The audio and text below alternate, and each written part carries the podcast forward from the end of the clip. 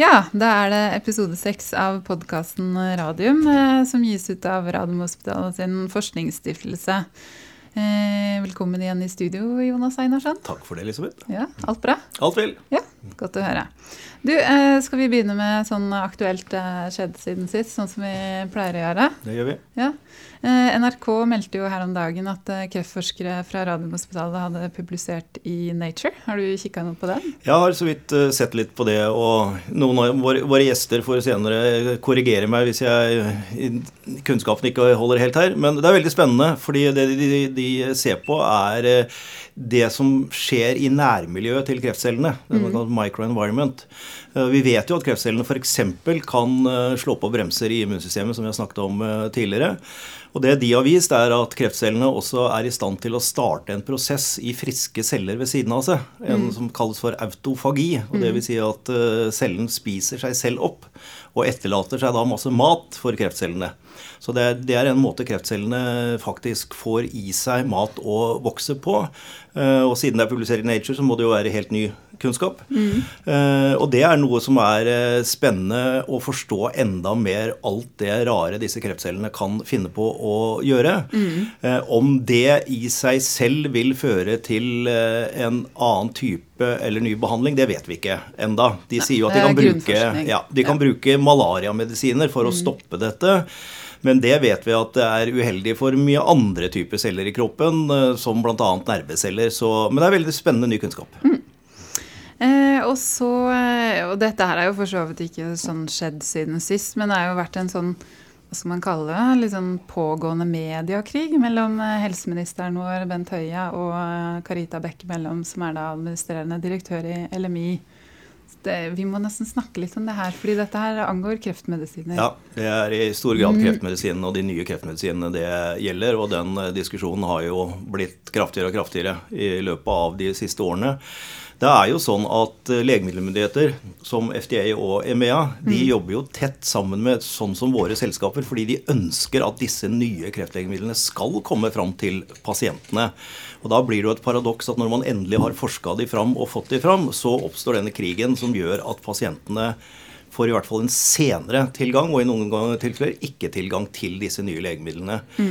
Og Etter min mening så er dette her en oppgave for myndighetene og legemiddelindustrien å sette seg ned og finne en løsning på. Ja. For i mellomtiden så er det pasienter som dør, som ikke får de medisinene de skulle ha hatt, og som kunne hjulpet dem. Det man må se på, er jo at det er en helt ny verden i eh, bl.a. Våre, våre, våre gjester her i dag. Og vi er jo med på å utvikle denne nye type kreftlegemidler. Eh, og utviklingstiden for dette er jo mye kortere enn den var før. Eh, det koster mindre. Vi har mindre studier, færre pasienter, fordi man ser mye tidligere om legemidlene virker eller ikke. Man trenger ikke 1000 pasienter og fem år for å komme fram til en statistisk sannsynlighet for at det virker. Vi ser at det virker. Så her må både legemiddelindustrien og myndighetene sette seg ned og finne en løsning. Mm. Og det som er spennende også, at eh, Dagens Medisin melder jo nå at eh, det har vært et møte med alle helseministrene i OECD, hvor de nettopp vil se på dette her.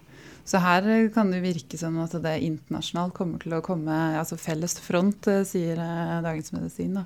For å finne noen felles løsninger ja. det, muligens her. Jeg ville vært mer glad i uttrykket å finne en løsning som begge parter kan leve med, enn at det står i felles front igjen, så vi kan bli kvitt denne krig krigsretorikken. Ja. Eh, og, og, det når man da begynner å snakke om at disse selskapene er kjeltringer, om det nå var Carita eller Bent som sa ordet først, det får de finne ut av sjøl, så syns jeg det er særdeles uheldig. Ja. Fordi, ikke minst fordi alle de som jobber i selskapene våre, og folk som, som våre gjester, skal sitte og se at det skal bli en krig om dette når medikamentet er utvikla. Det, det, er kjedelig. Ja, Nå gagner i hvert fall ikke pasientene. Nei. Og det er jo de som skal være i, i altså, Som vi skal tenke på, først ja. og fremst. Um, over til noe litt mer lystigere. det er det at uh, The Economist akkurat har lansert at de tar sin War on Cancer Nordics uh, hit til Oslo den 8. mars. Ja, det, det, er stilig. Det er kjempestilig. Det er kjempekred til uh, Kjetil Widerberg og mm. Oslo Cancer Cluster, som har fått til dette. Et kjempestort arrangement. Dekkes av media worldwide. Mm. Eh, og hvis vi da kan se at de ønsker å legge denne, denne konferansen til vårt sted i Oslo Cancer Cluster i Innovasjonsparken, så syns jeg det er hyggelig. Mm. Det, det, er det absolutt. Eh, og det, hvis vi går inn på nettsidene til Oslo Cancer Cluster, så kan dere lese mer om det. Men det man da ser på, er jo på en måte muligheten for å samarbeide mer, mer i Norden også innenfor eh, kreftfeltet, og også på kostnader. Altså hva koster egentlig kreft, og hva kan man gjøre med det i forhold til forebygging. Eh, og de som skal snakke, som allerede er bekrefta, så er det jo Henrik Lund, som er styreformann i Oslo Kansk Cluster. Eh, Giske Uskin, som er eh, direktør for Kreftregisteret. Annelise Ryel, Kreftforeningen. Og ikke minst Camilla Stoltenberg, som leder Folkehelsa. Så det tror jeg blir veldig spennende. Det er veldig spennende. Ja, 8. mars, som sagt. Kvinnedagen. Um, ja, hva mer er det som har skjedd? Jo, det er fem av medlemmene i Oslo Cluster som har fått uh, støtte via Innovasjon Norge. Og tre av de er porteføljebedrifter hos deg. Ja, og det er veldig hyggelig. Det er kvalitetsstempel når andre vil gi midler til å utvikle prosjekter i selskapene våre. Så det er veldig hyggelig. Og det er også gitt til sånne samarbeidsprosjekter. Kan også lese mer om på, på nettsiden til Oslo Cluster. Um, det siste, det er reklame. Det er åpen skole neste uke på Ullern. Eh, så hvis det er noen som eh, vurderer eller skal begynne på videregående i Oslo og vurderer eh, Ullern, så er det da mulighet til å komme innom på tirsdag og onsdag 24. og 25. Det er jo ikke mulig å velge videregående skole i Oslo uten å ha vært innom Ullern og sett. Nei, kan ikke det. Nei. Eh, og så er det jo Cancer Crossings neste uke. Ja.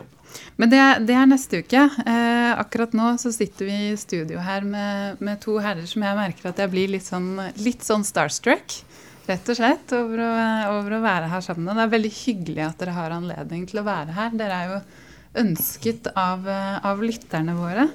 Og det er da Roy Larsen, som er styreleder i Onkoinvent. Og så er det Øyvind Bruland, som er forsker og overlege ved Radiumhospitalet. Velkommen i studio, begge to.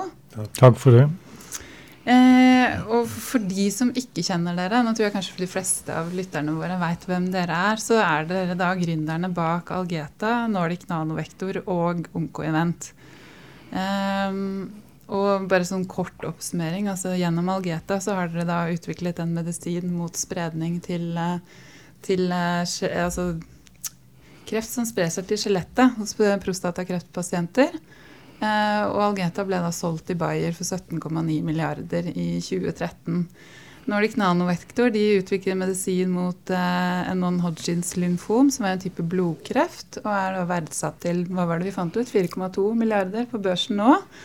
Og så er det Oncoinvent, et litt nyere selskap som jobber med spredning til buk, altså kreft som har spredd seg til bukhulen.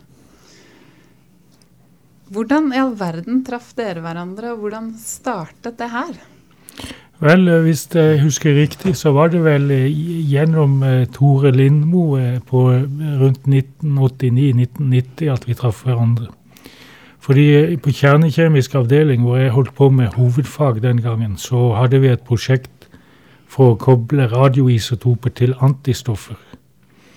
Og Lindmo hadde en viss eh, profil internasjonalt på dette, så vi hadde en viss kontakt med han. Og han eh, trakk da inn eh, Øyvind Bruland, som hadde utvikla et par nye antistoffer. Sånn at vi, vi, hadde et møte da, og så ble det vel eh, grunnlag eh, lagt derfra. Så vidt jeg husker. Eller hva, Øyvind? Jo, det stemmer nok. Jeg hadde tatt doktorgraden min her på Radiumhospitalet noen år før og utviklet to sånne monoklonale antistoffer som jo var hot den gangen, og er det veldig hot nå. Det er jo som gruppe noen av de kreftmedisiner som vel fortsatt selger mest og er mest viktige klinisk. Og Doktorgraden gikk på å utvikle de fram mot diagnostikk, det som kaltes immunsintigrafi. Men som kreftlege var jo jeg veldig mye mer interessert i kreftbehandling. Og da var det slik at ved solide kreftformer, altså ikke leukemi og enkeltcellesykdom, så var det vanskelig for disse store molekylene, IGG-molekylene, å trenge inn i kreftsvulstene. Men mange kreftformer har jo også mikrometastaser, spredning. Ostosarkom er en av de som jeg driver fortsatt med som overlege her på Radiumhospitalet. Og da var det slik at eh, Lindmo um, representerte jo realfaget. Jeg har også bakgrunn i realfag før medisin. Og vi skjønte veldig klart at det som skjedde på Kjemisk institutt med tilgang til spesielle radioaktive isotoper som eh, sender ut sånne alfapartikler, det kunne være en fantastisk mye mer effektiv måte å drepe kreftceller på. så var det vel slik, Roy, at du løste et prosjekt som vel en før deg hadde prøvd å få til, nemlig det å generere via syklotronen Astat 211. Ja. Og for å gjøre en lang historie kort, du fikk det veldig bra til, og vi ble da etter hvert litt buddies og samarbeidspartnere for da å gå videre med mine antistoffer og Roy og Kjernekjemisk sin teknologi og kunnskap på å generere dette og koble de sammen som radioimmunkonjugater, som da skulle binde seg til kreftcellens overflate og stråle i filler og drepe kreftcellene. Mm. Ja, så vi hadde vel eh, Etter min eh, hovedoppgave så ble vi vel enige om å gå videre på doktorgrad, hvor, da, hvor jeg skulle ta doktorgrad på å studere hans antistoffer med Astart 211, som vi lagde da på kjemisk. Sånn at vi hadde da en, en eh, samarbeidsgruppe bestående av professor Alstad og professor Hoff og Einar Rofstad her på Radiumhospitalet og Øyvind Bruland. Mm. Så vi Nå er jo Roy en selvstendig person, så dette ble jo ikke en veiledet doktorgrad. Dette ble en svær doktorfilos. Roy går jo sine egne veier, men han evner også å samarbeide. Så det var vel egentlig startplanken og springbrettet for samarbeidet som fortsatt uh, eksisterer og fungerer mm. veldig bra. Ja, og eh, du kan si det, det skapte jo også for så vidt kimen til, eh, til, Sofigo. fordi mens jeg holdt på på doktorgrad, så gikk jeg jo gjennom all mulig litteratur rundt radioisotoper.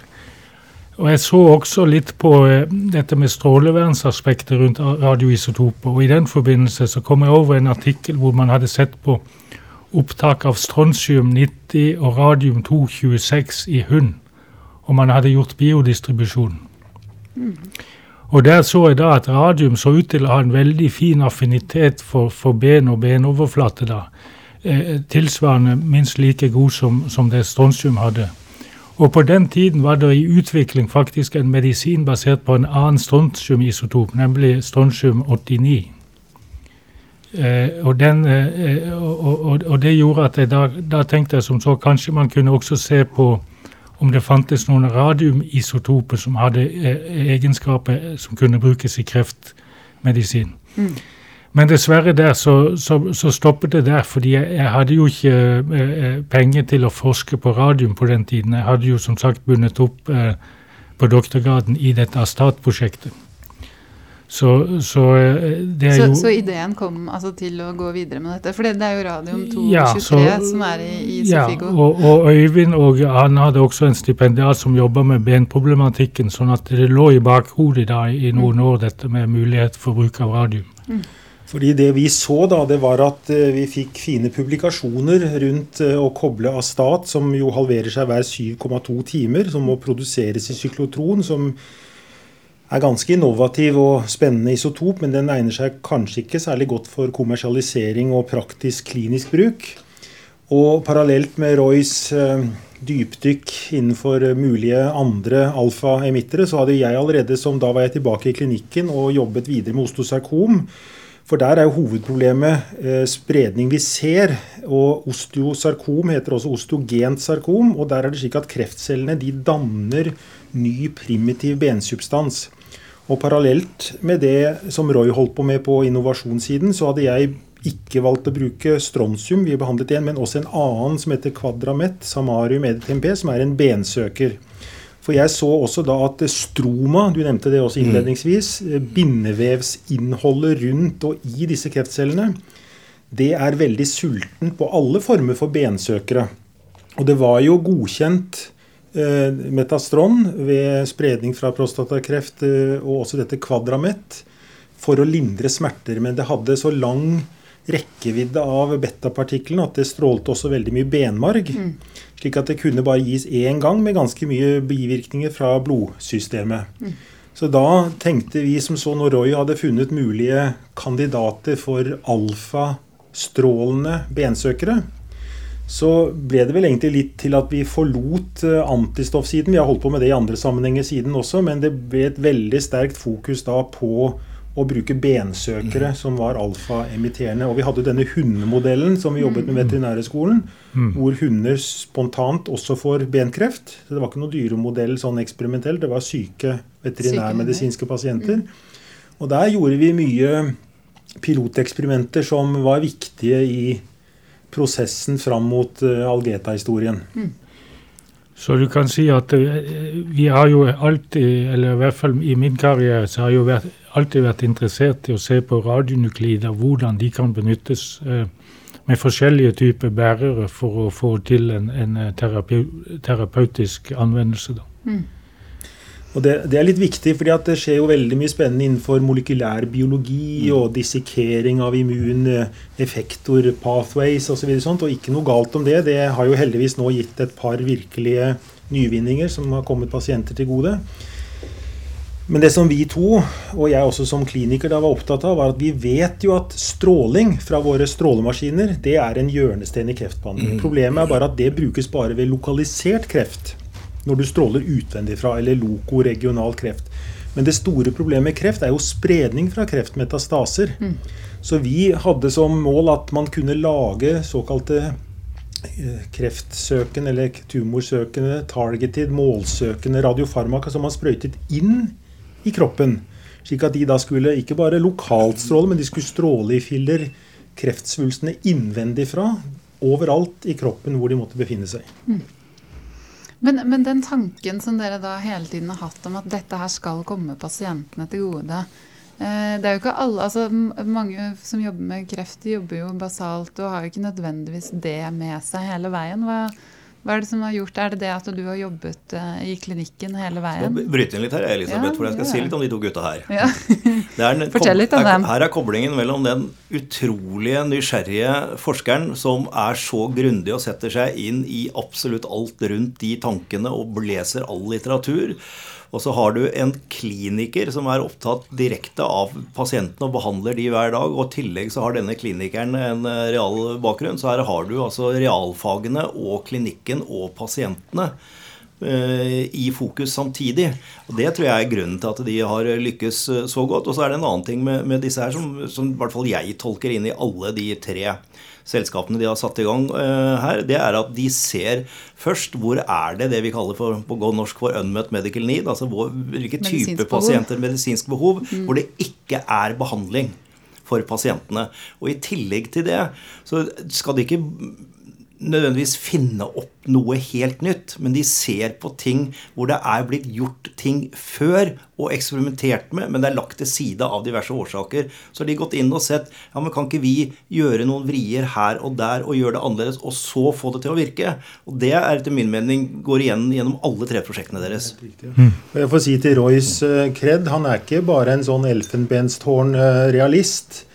Han har en enormt uh, effektiv og bratt læringskurve på tumorbiologi, dyreforsøk, på samme som jeg fortsatt vel kan litt realfag, Roy, men uh, ikke i nærheten av det du kan. Men altså den derre yin-yang, knoll-tott-effekten vi har hatt med å spille med hverandre og mot hverandre, være uenige og være enige, og nærmest hjelpe hverandre til å se muligheter, mm. uh, det tror jeg er en fellesnevne for disse tre dette er jo definisjonen på translasjonsforskning. Ja. Det er å bringe det fra basalforskning og ut. Si, det, vi, det, som også er at vi, vi, vi, prøver å tenke anvendelse tidlig før vi setter i gang uh, prosjektene og, og, og funde de. Altså, det skal gå an å, å, å fremstille det med rimelige ressurser. Og Øyvind skal kunne se at dette er noe som klinikerne kan bruke, at teknologien ikke er for vanskelig for, for klinikerne å kunne anvende. Mm. Så, så, det er den type tenkning også som må inn i, hvis man skal kunne kommersialisere ting effektivt. Ja, og det er kanskje også grunnen til at man da altså Nå vet vi jo ikke hvordan det kommer til å gå med Nordic og Oncoinvent, men at dere har lykkes med, med Algeta? Ja, det, det var jo det. Ja, og, du kan si det var jo et bevisst valg. Vi hadde jo I Algeta hadde jo en fem forskjellige patentplattformer, men eh, det var ikke mulig for selskapet å drive mer, frem mer enn én plattform av gangen. Mm. Og, og vi, vi, valgte jo da Radiumplattformen både fordi at det var en, en teknologi som eh, det var mulig å, å, å, ta frem med relativt begrensede ressurser, og at det var et veldig stort medisinsk behov som vi adresserte med det produktet. Mm. Fortell litt om den Algeta-historien. De fleste har kanskje hørt litt her og hørt litt der. Kanskje jeg kan ta en innledning. altså ja. Det var snakk om dette å definere et medisinsk behov, men det er også Jonas, det å definere en realistisk medisinsk mulighet. Ja. Og det er at Kreftsykdommen er jo så mange og så sammensatte og mangslungne. Og mange kreftdiagnoser har dessverre mange alvorlige ansikter. De sprer seg mange steder i kroppen. Vi har prøvd å plukke ut uh, teknologier og ideer og behandlingsindikasjoner hvor det er egentlig i prinsippet ett ansikt som vi skal uh, slå i filler. Mm. Og eh, vi startet jo med ostosarkom, altså primær benkreft, men det er ikke noe marked. Det er bare kanskje en 5-6-7-8-9 nye pasienter i Norge i året. De er riktignok unge og barn og ungdom, så det er veldig viktig. Men skal du få investorer og få store kliniske studier gjennomført på en rimelig kort tid, så skjønte vi veldig raskt at um, fordi faktisk spredningen til skjelett er det dominerende kliniske problem ved langtkommen prostatakreft, og denne prostatakreftspredningen til skjelett også induserer dette sultne stroma som er glad i bensøkere. Det ser vi jo på diagnostisk skjelettsintigrafi, hvis noen vet hva det er. Det er en diagnose som brukes den dag i dag. Så fant vi veldig fort ut at det var det som var hovedindikasjonen vi ville jobbe frem. Å få ikke bare smertelindring og lave bivirkninger, men også en behandlingseffekt som kunne bremse sykdommen utsette tid til nye symptomer og ny sykdom. Og kanskje det som gjorde at det ble kjøpt av Bayer for så stort beløp, var at vi greide denne store fase 3-studien å bevise en total overlevelsesgevinst. Og det er lenge mm. mellom hver gang man gjør i kreftbehandlingsforsøk. da. Ja, eh, så, og, og, det var jo dette med produksjonsmessig også at det, det, skulle gå Det som har vært problemet med mange av de lovende alfa-emitterne som har vært eh, forska på på universiteter rundt om i verden, har vært at det, det, har ikke vært enkelt å kunne lage de i industriell skala. Mm. Har, sånn at Derfor er det mange av prosjektene som har stoppa opp på et eh, akademisk nivå, kan du si, og aldri blitt realisert kommersielt. men eh, en av de viktigste tingene med, med Stofigo var jo at det, det var et, et, prinsipp hvor det gikk an å produsere produkter i, i, i stor skala med eksisterende teknologi. Mm. Og det, det, var jo også en viktig forutsetning for at uh, man kunne kommersialisere det. da. Mm. Men Visste dere da at dette er noe de kan gjøre på IFE? Ja, fordi eh, vi, tra, vi, trakk jo inn IFE allerede før vi starta klinisk uttesting. sånn mm. at, uh, og, og dette med å produsere da disse generatorene som, som, gir den radioisotopen, det var jo noe vi hadde eh, skalert opp gradvis da vi visste at teknisk sett så gikk det an å, å skalere det helt opp til, eh, til, til uh, industrielt nivå. da. Men, men, noe som jeg har lurt på da, for det er jo andre kreftformer som har spredning til skjelettet, vil da Sofigo være aktuell å bruke der også? Ja, og du kan si når vi starta fase 1-studiet, så tok vi inn både brystkreftpasienter og prostatakreftpasienter. Så, og vi vet at Bayer holder vel på med kliniske studier i fase 2, fase 3 eh, mot brystkreft. Mm. Problemet med brystkreft er at eh, sykdommen sprer seg også til andre organsystemer. Og spredning til skjelett er ikke fullt så sulten på å suge opp disse, eh, dette radiofarmasøytikumet, radium 223, mm. når det sprøytes intravenøst. Så det er et litt mer utfordrende scenario. Men, Men jeg må bare få si en ting. Det som jo, Du nevnte dette med egnethet og industrialisering og kommersialisering. Altså En sånn teknologi, en sånn tanke, den må jo være teknologisk robust. Den må kunne patenteres. Produktet må kunne Eh, ideelt sett kanskje produseres ett eller et fåtall steder og sendes rundt til hvert sykehus. Hvis hvert sykehus må ha en liten industriell bedrift nesten for å lage mm. medisinen til hver enkelt pasient, så er det veldig tvilsomt at det blir noe praktisk medisin ut av det. da. Mm. Så det fine med det du, som jo var ledepersonen i patentskrivingen rundt dette her For det er nemlig noe helt annet å skrive et patent og skrive et til og med et nature paper. Det skrives ja, det på en helt annen måte. Mm.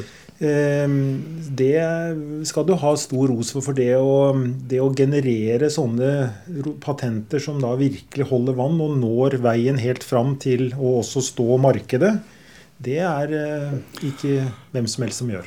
Roy har tydeligvis heller ikke glemt gamle kunster, da, siden uh, Onko Inventi i går uh, slapp ut at det første patentet deres allerede nå er godkjent i, i USA. Så det funker enda. Det er raskt. Effektivt. Gratulerer.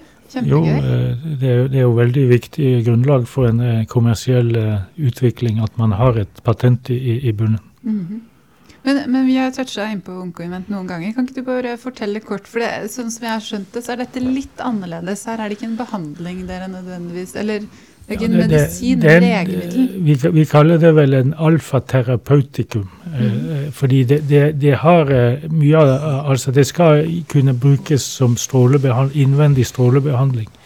Men det er ikke, det er ikke en, en strålebe, det er ikke et, et molekyl som som søker opp kreftcellen som sådan. Her er det snakk om mikropartikler som injiseres i et område hvor du har spredning av kreft, og så bestråler du eh, det området da på overflatene og i væskevolumene, sånn at du dreper da de kreftcellene som måtte være til stede der. Mm. Ja, og tanken er igjen på en måte eh, smidd av det samme eh, alen, ikke sant, det samme stykket. For ved eggstokkreft så er ansiktet, det ene ansiktet, det er det tragiske faktum at så altfor mange kvinner med eggstokkreft de kommer såpass sent i diagnose at det allerede er mikrospredning til bukhulen. Mm. Men det er nesten hos alle de pasientene bare spredning til bukhulen. De har ikke hjernemetastaser, levermetastaser. Så hvis vi da kunne få et innvendig strålingsprinsipp mm. ved å sprøyte disse biodegraderbare partiklene, som da også er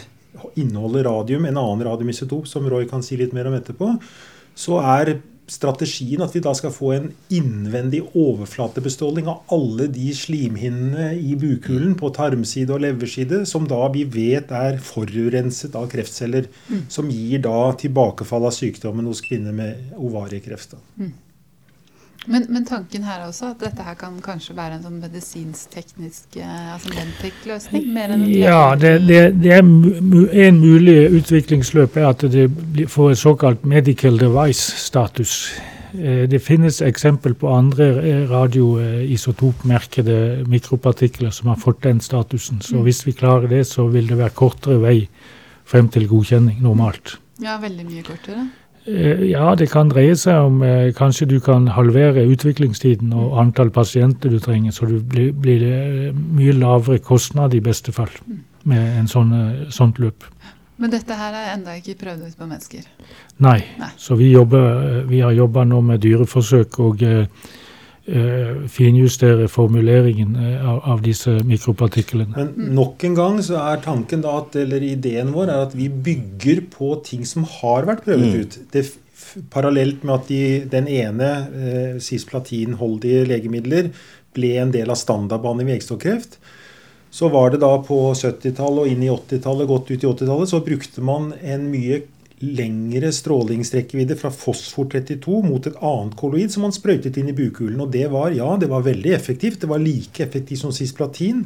Men fordi strålingen gikk langt inn i tarmveggen, så ødela du tarmen, og du fikk da sammenvoksninger og fistler, sånne forbindelser, og de måtte opereres. Så prisen for behandlingseffekten var altfor høy. Mm. Så ideen er at disse kraftige kort rekkevidde alfa Husk på at de går under 0,1 mm, kanskje 0,678. 0,0678 mm. Så det vi, vårt produkt skal gjøre, det, det er bare, bare bestråle disse overflatene uten at strålingen skal trenge inn i, i vevene. Og dermed skal man kunne unngå disse bivirkningene, samtidig som man kan få den eh, antitumoreffekten man, man, og, og, kanskje til og med bedre antitumoreffekt enn man så på disse gamle kolloidene. Mm. Det, det, er da målet vårt med produktet. Og vi har eh, vist uh, proof of concept da, i dyremodeller hvor man har sprøytet inn kreftceller og siden behandlet med vårt produkt og sett at vi klarer å, å, å, å få en, en, god antitumoreffekt uten at vi, vi, dyrene ser ut til å ta skade av behandlingen. Mm. Når er det planen å teste ut dette her i mennesker? Vi prøver å få et produkt godkjent og vil prøve å få søknadsprosessen helst fullført i løpet av dette året. Mm. Ja, for, for, godkjent for fase 1-studier i pasient. Mm. Og Der er det også et prinsipp som vi vel alltid har fulgt, Roy, eh, både i Algeta og i Nordic Nanovektor og her, er at eh, vi syns det er viktig på veldig tidlig fase å evne å knytte kontakt med de ledende klinikere. Ingen kliniker driver med alt. På Onkonvent har vi Ignas Fergote i Løven. Han har vært president i European Gynecological Society. Han tok doktorgraden sin her på noen, faktisk noen alfapartikler også som ikke egner seg for kommersialisering. Han vil bli principal investigator. Mm. Sånn var det i Nordic Nanovektor. hadde vi jo eh, Arne Kolstad her, som har vært i USA og lært radioimmunterapi. Lagde en ny form for radioimmunterapi. Algeta så hadde jeg et stort kontaktnett eh, for spredning til skjelett og skjelettkreft. Mm. Og det jeg tror er veldig viktig, det er at istedenfor at et firma kommer med en ferdigskrevet mm. et oppdrag, at du skal være med som en av x antall, det kan gå bra, men ofte går det ikke bra. De må få eierskap eh, til teknologien, mm. til utviklingsprosessen, slik at de føler på en måte at dette er en del av deres Altså de er på en måte eh, med mm. på, på toget. Det viser jo også viktigheten av at vi har et robust system for å drive disse fase 1-2-studiene her i Norge. Eh, for å teste ut de ideene også som, eh, som kommer fra, fra, vårt system. Eh, nå vil vel denne første studien gå i Nederland nettopp fordi han er den som er, er ledende. men på Nordic Nanovekta så var det jo Arne Kolstad. så her, Da startet vi her på Radiumhospitalet. Så hvis vi får koblingen mellom forskerne og våre lokale klinikere som sier at dette vil vi gjøre, så har vi muligheten også å behandle pasienter her i Norge med det, og det er viktig. Mm, ja, det er veldig, veldig viktig. Du, jeg er litt nervøs for at du sitter for langt unna mikrofonen, Så hvis du bare kan komme litt nærmere. Takk skal du ha. Sånn at vi, vi får hørt at ikke det ikke blir noe plunder med teknikken. Men da, da har vi også snakka litt om uh, Nordic, så da må vi Håper på event var vi ferdig med nå. Ja, ikke sant. Men nå har vi, vi snakka litt grann sånne smådrypp om Nordic, så da, hvis, Roy, hvis du kan forklare litt sånn ja, hvor, altså, Teknologien der, her kommer ja, Du kan si at eh, jeg, jeg slutta jo i Algeta i 2006 fordi eh, jeg, jeg, hadde jo eh, mer lyst til å jobbe med, med nye ting. da. Altså Algeta det var gira inn på et produkt, og man hadde ikke ressurser til å, å jobbe med de andre patentene og det som var lagt inn i selskapet. Så hvis jeg skulle gjøre noen nye ting, så visste jeg må, jeg måtte gjøre det på egen hånd utenfor Algeta. Mm. Eh, og det jeg gjorde etter at jeg slutta i Algeta, var å gå gjennom litteraturen på gelatorer og radionuklider for radioimmunterapi. Eh, eh, fordi det hadde skjedd en del siden vi jobba på 90-tallet med radioimmunterapi. Og det jeg så da, var at det var en ny nuklide, nemlig lutetium 177, som var blitt gjort tilgjengelig nå. Man kunne kjøpe den i GMP-kvalitet. Og i tillegg fantes det en gelato som gjorde at antistoffet som internaliserte, kunne da eh, eh, kobles til den gelatoren, og man kunne få brakt radionukliden inn i cellene og få en effektiv bestråling. Det er jo en fin historie også bak det antistoffet, Roy. Ja, og, og, og, og du kan si det fantes faktisk studier på CD37-antistoffet med J131 fra, fra slutten av 80-tallet, som var relativt lovende, men pga. at antistoffet internaliserte, så ble J spaltet av. Så jeg tenkte som så at hvis man kunne få, en, eh, få tak i et antistoff mot CD37, og så bruke det med den nye typen koblingskjemi som gjorde at man kunne bringe radioisotopen inn i cellen, så hadde man kanskje noe interessant. Og jeg, jeg, gikk da, eh, tok møte med Øyvind og diskuterte det, disse mulighetene. Og han da nevnte at uh, det var en forskergruppe på Radiumhospitalet som hadde jobba med CD37 mm. uh, på 80-tallet. Og vi tok da kontakt med, eh, med det, det, var da Funderud og, og Smedland som hadde jobbet med det. Og vi, vi satte oss ned med Funderud, og det viste seg at det, det fantes faktisk ennå i frysen noe, noe, av dette antistoffet som vi kunne teste ut. Mm. Så, så, det var i grunn starten. Og så ble vi vel enige om at vi måtte finne en forskergruppe som kunne jobbe med dette. For ingen av oss hadde, hadde egne forskere som, som, og tilgang til uh, forskningsfasilitet akkurat på den tiden. Mm. Og da, da eh, fikk vi med Jostein Dale, da, som, som satt på eh, forskerfasiliteter her på, på huset. da. Mm.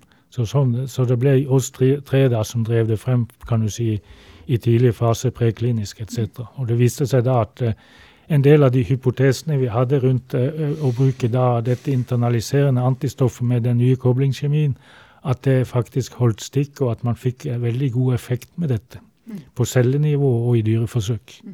Så det var i grunnen eh, bakgrunnen. Og rettighetene til det antistoffet, det var det jo faktisk eh, Forskningsstiftelsen som satt på. Sånn at det var relativt enkelt. Ja, det er, helt, det er, helt, riktig. Vi var jo en TTO tidligere, og vi hadde dette antistoffet i, på en måte i vår portefølje. Men eh, et antistoff som internaliserte, det var det svært få som var eh, interessert i. Så vi hadde lisensiert det ut eh, tidligere, men kun til forskning. Sånn at når de da henvendte seg til oss og lurte på om vi kunne få ordnet det at de fikk den kommersielle lisensen til å bruke antistoffet, så gikk vi til Invento, som da hadde overtatt som TTO. Og Invento og Nordic Nanovektor inngikk da en avtale som ga de tilgang til dette. Så her har altså disse tre forskjellige forskerne holdt på, både Øyvind og Roy og Steinar Funnerud og Smeland tidligere, med hver sine ting. Og så er det nettopp det som er litt sånn Kinderegg-tankegangen til disse gutta her.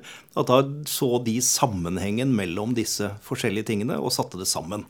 Og da ble det plutselig noe helt nytt. Og da har hun oppfinnelse. Det her var i 2010 at eh, Nordic ble etablert, var det ikke det? Altså Det ble etablert i, i 20, 2009 da, eh, at vi etablerte selskapet. Men vi jobba jo et par år eh, med, med, testing før vi etablerte selskapet, så vi hadde en relativt god preklinisk pakke på plass. Mm. Og vi visste at vi hadde noe lovende der før vi begynte å finansiere det opp. da. Det er jo også et utrolig viktig poeng, da, Roy, spesielt med Nordic Nanovektor og nå også Onkoinvent, at dere har gjort så mye arbeid med en veldig lav burn rate. Onkoinvent stifta vi jo for fem år siden nå. Ja, det var i 2010, faktisk. Ja, i 2010. Og da har eh, dere og sammen med Tina Bønsdorf eh, drevet og jobbet med preklinikk og brukt særdeles lite penger. Og lagt sammen en god pakke som tilsier at vi kan gå til investorene og si at nå tror vi vi har noe her. Mm. Ja, du kan si det var fire gründere da i Onko Invent. Det var Tina Bønsdorf, Tora Jonasdottir, Øyvind Bruland og meg sjøl. Nettopp. Så vi, vi, tok det jo eh, Vi, vi jo egentlig stifta vi selskapet for å jobbe da med forskjellige ideer vi hadde til bl.a. antistoff, nye antistoffer og slike ting.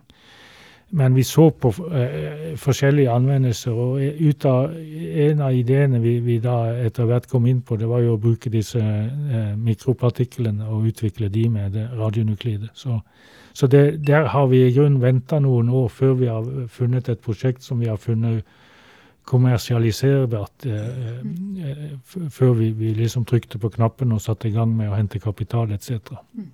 Så det er viktig også at man eh, timer tingene på en riktig måte. Ha litt is i magen, rett og slett? Ja. Og også må, man må være villig til å terminere prosjekter også eh, i en tidlig fase, sånn at man ikke kaster bort ressurser. Men, eh, men, jeg har lest et sted at du er sånn som har hundrevis av uh, ideer? Vel, jeg har mange innfall og, og, løse ideer, men du kan si uh, jeg, jeg, prøver jo å sile de ut og, og, tenke hva som egentlig er mulig med, med, de ressursene man har tilgang til. Mm. Jeg har jo ikke noe stor forskergruppe til min disposisjon og slike ting, så jeg må være veldig selektiv med, med hva man uh, går videre med. da. Mm og ikke bruke kreftene. får du litt både medvind og motvind når vi setter oss ned og diskuterer om hvem av ideene som er best. Mm. For det er ja. viktig. Og det er en ting som ligger meg litt på hjertet. Alle snakker jo om innovasjon og impact factor på journaler, men det er uh, ulike typer innovasjon. Det kan intellektuelt og grunnforskningsmessig være en fantastisk innovativ idé, men det er ikke sikkert den seg egner seg for kommersialisering. Og husk, kreftbehandling er jo det vanskeligste, det dyreste, det med høyest uh, sannsynlighet for å mislykkes. Og Det er jo en av flere mm. årsaker til at kreftmedisiner blir så dyre, at det er langt mellom de som lykkes. En app og en ny teknologi er billigere å, å bringe fram til å tjene penger det på. En, det er litt den gamle tankegangen til, til uh, farmasøytisk industri igjen. Uh, med at man setter i gang hundrevis av fase 1-studier med masse forskjellige ting. Eh, og så blir veldig mange av de terminert etter hvert, og så blir det veldig få igjen. Og så har det kostet veldig mye penger, og så tar det veldig lang tid. Og Big Pharma har mye penger og mye tid. Det har ikke vi. Vi har lite penger og, og, dårlig tid, og derfor så må vi være sikre på at det vi går Ja, vi må være flinkere til å plukke de ideene som har mest sannsynlighet for å komme hele veien i, i, gjennom. Og det er det vi har forsøkt å gjøre. Mm. Og, det, og, dere har jo i høyeste grad vært, eh, vært dyktige. Jeg kan ikke si flinke engang, men si dyktige.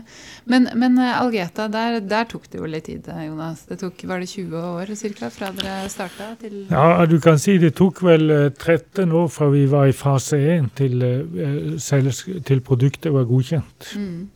Men nå med Nordic Nanovektor ser det ut som det går veldig mye fortere. Snakker man vel allerede ja. om 2019?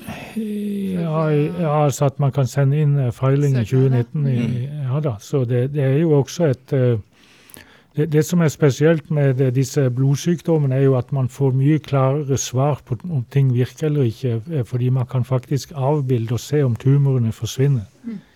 Når, det gjelder, når det gjelder disse andre mer Eh, altså, altså, solide svulster, så er det ikke så lett å se effektene der og da. Så der må du faktisk ofte vente på å se på overlevelsesgevinst for å si at et produkt virker. Ja. Og Det var jo slik, slik det var med eh, Sofigo eller eh, Alfaradin, at man måtte vente på å få overlevelsesbevis på at mm. dette ga eh, lengre liv enn en kontrollgruppene. Mm. Og da vil det jo ta lengre tid også? Ja. Mm. Så, så, det er jo en del av uh, de tingene man vurderer når man setter i gang utviklingsløp. Hvor, hvor, lang tid vil det ta å utvikle produktet, og er det mulig å finansiere dette? Mm. For det koster mye? Ja. ja. Men Øyvind, du jobber som, eh, som kreftlege, altså overlege, på, på Radiumhospitalet. Fortell litt om det. Hvordan er det? Nei, det er jo å være mellom barken og veden, men det er jo der det livgivende skjer, er det ikke det? Sevjen stiger. Det er mange muligheter, og det er klart eh, Det er jo fra jeg startet på slutten av 80-tallet, hvor det var noen få navn vi tenkte å kunne på cellegifter og hormonbehandling, så har det jo eksplodert. Mm. Og du nevnte jo innledningsvis dette med prising og tilgang mm. osv. Så Men med noen veldig viktige unntak så er vi nå i en fase hvor vi høster frukter av mange tiårs basalforskning. Men de fleste nye behandlingsprinsipper er jo tross alt sånn at det dreier seg om å drive sykdommen i noen grad tilbake og holde den i sjakk. Men på samme måte som bakterier og antibiotika, det blir ofte resistens. Kreft er jo en mangehodet uhyre som da har veldig stor heterogenitet og stor plastisitet for å omgå fienden, mm. nemlig med behandlingen. Men eh, de som lykkes med immunterapi, de få pasientene som får disse, de kan jo faktisk bli kurert. ikke sant? Så Det er unntaket i den sammenheng. Og vi håper det viser seg å slå til også i andre kreftformer enn de få det har vist så langt. Mm. Men det er klart det i Jeg har alltid syntes at det har vært veldig givende å få lov til å være med fra hele aksen fra idé til, til klinikk. Discovery to drug, ikke sant. Fordi at det å og det er viktig nok, det å rekruttere pasienter inn i ferdigskrevne protokoller og være en av mange utprøvingssites, det må også gjøres. Men eh, jeg syns Radiumhospitalet har hatt en åpenhet og en eh, aksept for at vi trenger eh, alle faggrupper. Utprøvingsenhet, fase 1-enhet, folk som jobber på fase 3-studier. Og noen få av oss da som prøver å slite oss hele veien fra realfaget inn i klinikken. Mm. Så eh, det er klart, når du ser eh, pasienter du blir kjent med som går fra skanse til skanse og etter hvert dør, det gjør veldig sterkt mm. inntrykk. Og eh, det jeg tror er viktig, er at så eruptiv og så kompleks som basalbiologien er blitt, så tror jeg at det er ikke noen klinikere gitt egentlig å ha den fulle oversikten her, men allikevel er vi kanskje minst like viktig som vi var før. fordi at det å se realitetene i de enkelte pasientene. Hva er det det dreier seg om? Hvorfor får den undergruppen den typen spredning? Altså, ikke det tror jeg er veldig veldig viktig. også. Mm. De reelle For du finner, ikke, du finner ikke et behandlingsprinsipp som virker overalt. Nei. Eh, og Det er jo også ofte sånn innen kreft at man vil kombinere nye behandlinger med eksisterende behandlinger. For det er ofte den eh, cocktailen av, kombinerende produkter som gir best effekt. Mm. Det er noe av det vi er veldig tente på i Onkoinvent. er at dette er jo et veldig robust strålingsprinsipp. Alfa kan vi jo nå gjennom, kan vi jo mye gjennom mange tiår. Men det egner seg på en meget meget god måte, hvis vi da kan dokumentere at også i pasienter er relativt bivirkningsfritt. Eh, det egner seg for å kombinere med mm. de beste cellegiftene vi da bruker i tilbakefallsscenario nå i dag. Mm. For Det er ikke kryssreagerende virkningsmekanismer, og det er veldig viktig. Mm. Det blir spennende å se på, se på utviklingen. Men eh, sånn til andre som på en måte jobber med innovasjon og setter opp selskaper, altså har dere noen sånne dere har sikkert vært gjennom oppturer og nedturer. Er det noen sånne læringsprinsipper? Vi har jo vært gjennom mye, da. Det at man må sjekke, sjekke. Kanskje ja, altså, det, jeg, jeg, tror at de som jobber fra teknologisiden, bør fokusere mye på teknologien og ikke, være, og ikke bruke for mye tid på å skulle krangle omkring eh, eh, aksjeprosent og sånne ting i for stor grad. Det er klart de skal ta vare på sin interesse, men det må ikke bli, bli sånn at det stjeler altfor mye energi. Mm. Fordi man må være veldig eh, prosess- og produktorienterte så, som oppfinner av teknologi for at det skal lykkes. Og man må være litt eh, schizofren og hele tiden se etter svakheter som man da kan forbedre med, med produktene og, og, og, eh, metodene man bruker for anvendelse av produktene. Mm. Så det er vel det jeg kan si, si fra mitt ståsted. Og så er det jo da å ha en institusjon eller institusjoner hvor du har stort kontaktnett. mange som kan, altså Forskningsstiftelsen har jo hjulpet oss i kneiker og viktige ting. Både med faglige ting og, og kontakter, og, og, også reelle investeringspenger, som ja. har vært eh, veldig viktig, for dette går opp og ned. Mm. Eh, børsen kan krakke. Det gjorde den var det ikke i 2008. Det gikk mm. rett i grøfta internasjonalt. Og da kan eh, spennende ting eh, fort avgå med døden. Mm. Og det er det jo mange eksempler på. Absolutt. Ja, det er, det, er, det er, kjempeviktig. Og vi ser jo spesielt her nå, også i Norge, at det er eh, store, solide investorer som nå begynner å se på vår bransje. Og de forstår, de fleste av dem, at dette er en eh, bransje som er, driver med utvikling. og Det betyr at du får noen oppoverbakker og noen nedoverbakker. Men hvis du har målet i sikte og lar disse gutta få lov til å jobbe i fred, mm. og så sørge for at du har en, et selskap som er veldrevet med et godt management, og la de få de midlene de trenger, og så vente til de kliniske dataene kommer. For det er det som til syvende og sist viser om vi har satset på riktig hest. Eh, all verdibygging i disse selskapene det er bygd på kliniske data. Jeg ser vi har prata oss eh, bort som vanlig. Som men Jonas, si, si, noe om disse gutta her. Du kjenner de godt. Du sa litt i stad, men altså sånn ja, De er jo noen eh, stabeiser, da. Eh, jeg kom i snakk med de Du sier det hyggelig, tenkte jeg da. Ja, men, men det, er, det, er, et virkelig et kompliment, det. For i, i, denne bransjen og innen forskning og utvikling så må du være, være en stabeis hvis du skal komme, komme noe sted.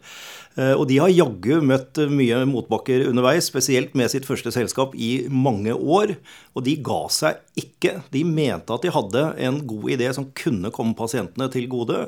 Eh, og det var et tøft løp i mange år for dem, men nå har de vist at den staheten har eh, gitt seg utslag i både verdier og i pasienter som blir behandlet og får et bedre liv.